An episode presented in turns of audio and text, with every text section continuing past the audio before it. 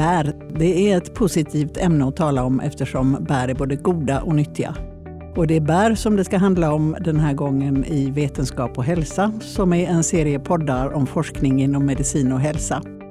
Jag heter Ingela Björk och med mig i studion har jag forskarna Cecilia Holm och Karin Berger från Lunds universitet. Cecilia, du är professor i molekylär endokrinologi och kom in på det här området via din forskning om fettceller och diabetes. Bär tros ju vara bra för att förebygga bland annat just fetma och diabetes. Men vad är det då, undrar jag, som gör bär så nyttiga?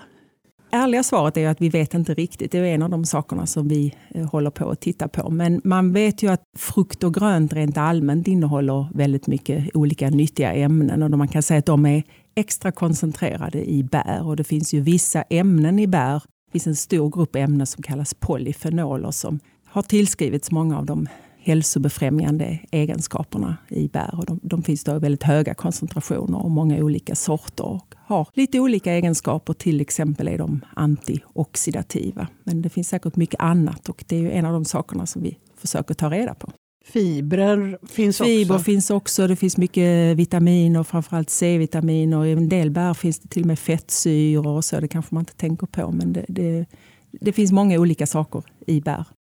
Tror du att eh, man med tiden och med mera forskning kommer att någonsin hitta ett superbär som kan hjälpa mot allt? Eller tror du att det blir så att eh, man kommer att äta ett visst bär mot en viss eh, åkomma? Eller att man kommer, alla kommer att rekommenderas att äta en blandning av olika bär? Jag tror det senare. Jag tror eh, på en blandning. Jag tror vi måste lära oss vilka bär som är bra mot vad. Men jag tror också att det finns väldigt mycket synergieffekter. Jag, jag tänker mig att det ska liksom finnas en korg eller en portfölj där det finns ett, ett stort antal nyttiga bär som man kan välja från. Men att man bör kombinera dem. Jag tror inte att vi kommer hitta ett enda superbär som vi kan hålla oss till. Nej, tyvärr för marknadsföringen och reklambranschen kanske. Mm. Ja, det är ju alltså mycket som man fortfarande inte vet och man vet inte heller till exempel vad kokning och frysning betyder för nyttigheterna i ett bär, om, om de står sig eller om nyttigheterna försvinner. Så det som ni nu håller på med, ni och många andra, det är att försöka ta reda på exakt vad det är, vad det är för ämnen som står för nyttigheten. Ja, det är det vi försöker göra. Och beroende på vad det är för ämne så kommer de säkert också vara olika motståndskraftiga mot till exempel kokning eller tidning i mikrovågsugnen och sånt. Vi vet att C-vitamin till exempel är väldigt känsligt för upphettning och sånt. Det vet de flesta och det är väl känt. Så att, eh, det är säkert så att eh, beroende på vilka ämnen som ansvarar för de hälsobefrämjande egenskaperna så kommer de också vara olika tåliga då för olika behandlingar. Är det några bär som man helst inte ska frysa till exempel? Inget, inget som jag känner till att man inte kan frysa dem. Snarare tror jag att de flesta tänker att, att just frysa dem är, bevarar eh, dem på ett bra sätt. Det är svårt att ha tillgång till färska bär alltid. Så att vi är ju nästan beroende av att kunna frysa dem. Och det vi köper dem är ofta i fryst form när vi inte kan plocka dem färska i skog eller trädgård. Och är det några som man inte ska koka? Kokar man eh, bär eller vad man än kokar så förstör man ju till exempel C-vitamininnehållet. Så att man kan ju alltid säga att färska bär som inte har upphettats, det är ju alltid säkrare. Nu så ska vi över till forskaren Karin Berger som tillsammans med bland annat Cecilia Holm och Lovisa Heyman gjort en uppmärksammad studie av möss som fick en fet kost och dessutom någon sorts bär. Och de bär som var med Eh, var bland annat lingon, blåbär, hallon, björnbär, svarta vinbär och acajbär. Kan du berätta kort om resultatet? Ja, överraskande nog så upptäckte vi att framförallt lingon men även svarta vinbär och blåbär kunde hejda den här fettinducerade viktuppgången i möss. Eh, de fick också bättre glukos och insulinvärden. De fick en lägre inflammation i kroppen och de var allmänt eh, hälsosamma. De följde ungefär samma kroppsparametrar, som, eller metabola parametrar som de som har fått kost som var en, var en normalkost, en lågfettskost. Alltså de, de, fast de fick en fet kost så var de Ja, precis. lika Så kunde då lingon, friska. svartvinbär och blåbär, framförallt lingon, då hejda de här sjukdomsinducerade effekterna ja. av högfettskost. Så om mössen hade varit människor så hade det varit väldigt bra för att förebygga fetma och diabetes även om de alltså fick fel sorts mat? Ja, precis.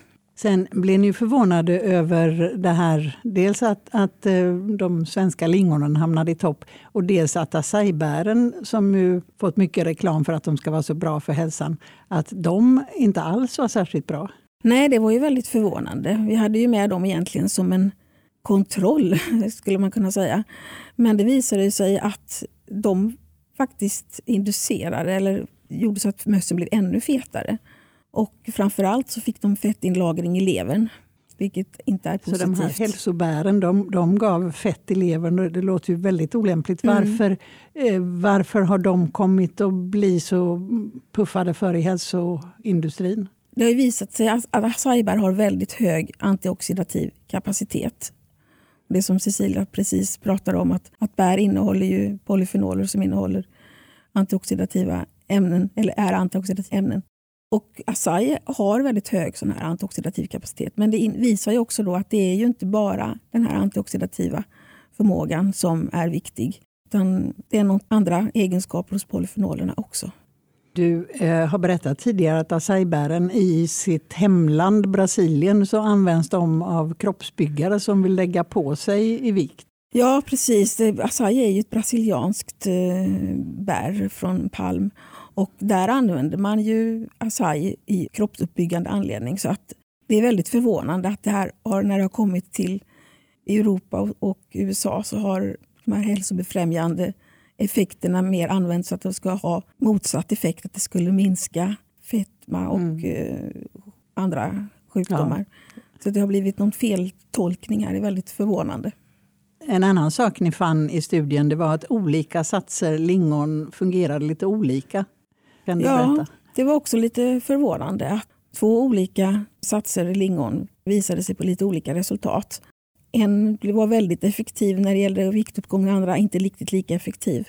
Men båda satserna visade sig väldigt effektiva att inhibera inflammation och också förändra tarmfloran hos mössen. Det var samma effekt i båda lingon.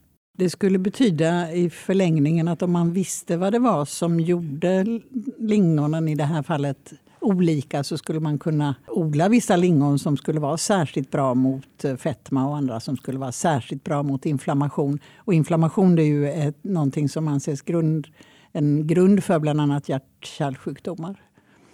Ja, det är ju en dröm att man skulle kunna se då och kunna analysera bären och veta vad det är i dem som, som är effektivt för vad.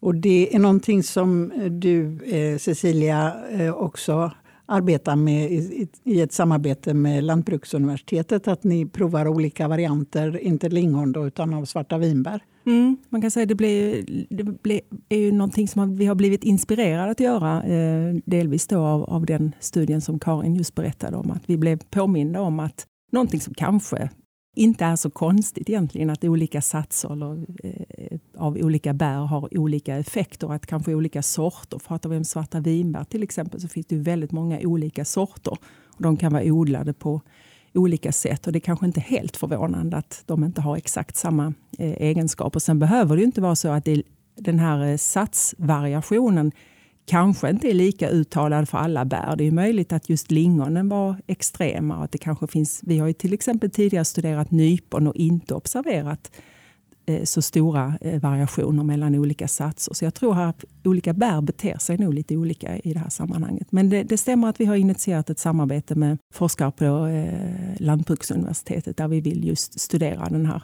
variationen beroende på exakt vilken sorts vinbär man använder och hur de är odlade och man kanske ska skörda dem på ett visst sätt. Och det finns även ännu mer långtgående tankar om att man kanske kan använda andra delar av växten. Att inte bara använda själva bäret utan använda blad och knoppar och så. Ta, ta vara på allt.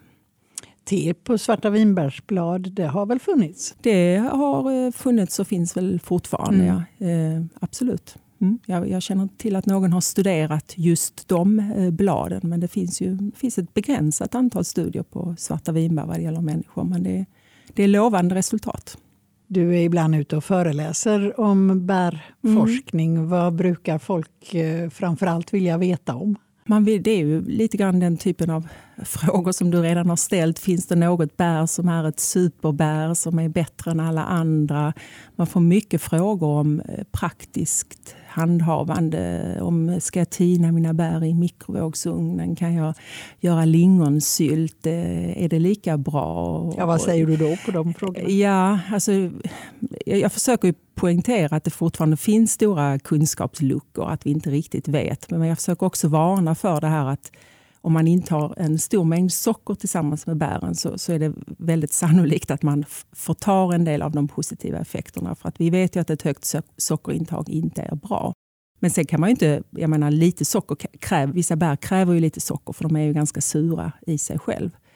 Så att eh, jag försöker, men, men till exempel nypon, när vi studerade nypon så var jag väldigt noga med att säga att den här nyponsoppan som man köper som är väldigt eh, sockerinnehålls, eller väldigt sockerrik, den eh, har vi inte studerat utan är en helt annan variant med väldigt lite socker. Så att, eh, vi kan egentligen inte säga någonting om vad som skulle hända om vi hade använt den här sockerinnehållande nypondrycken. Men jag tror inte att vi hade fått lika positiva effekter som vi såg.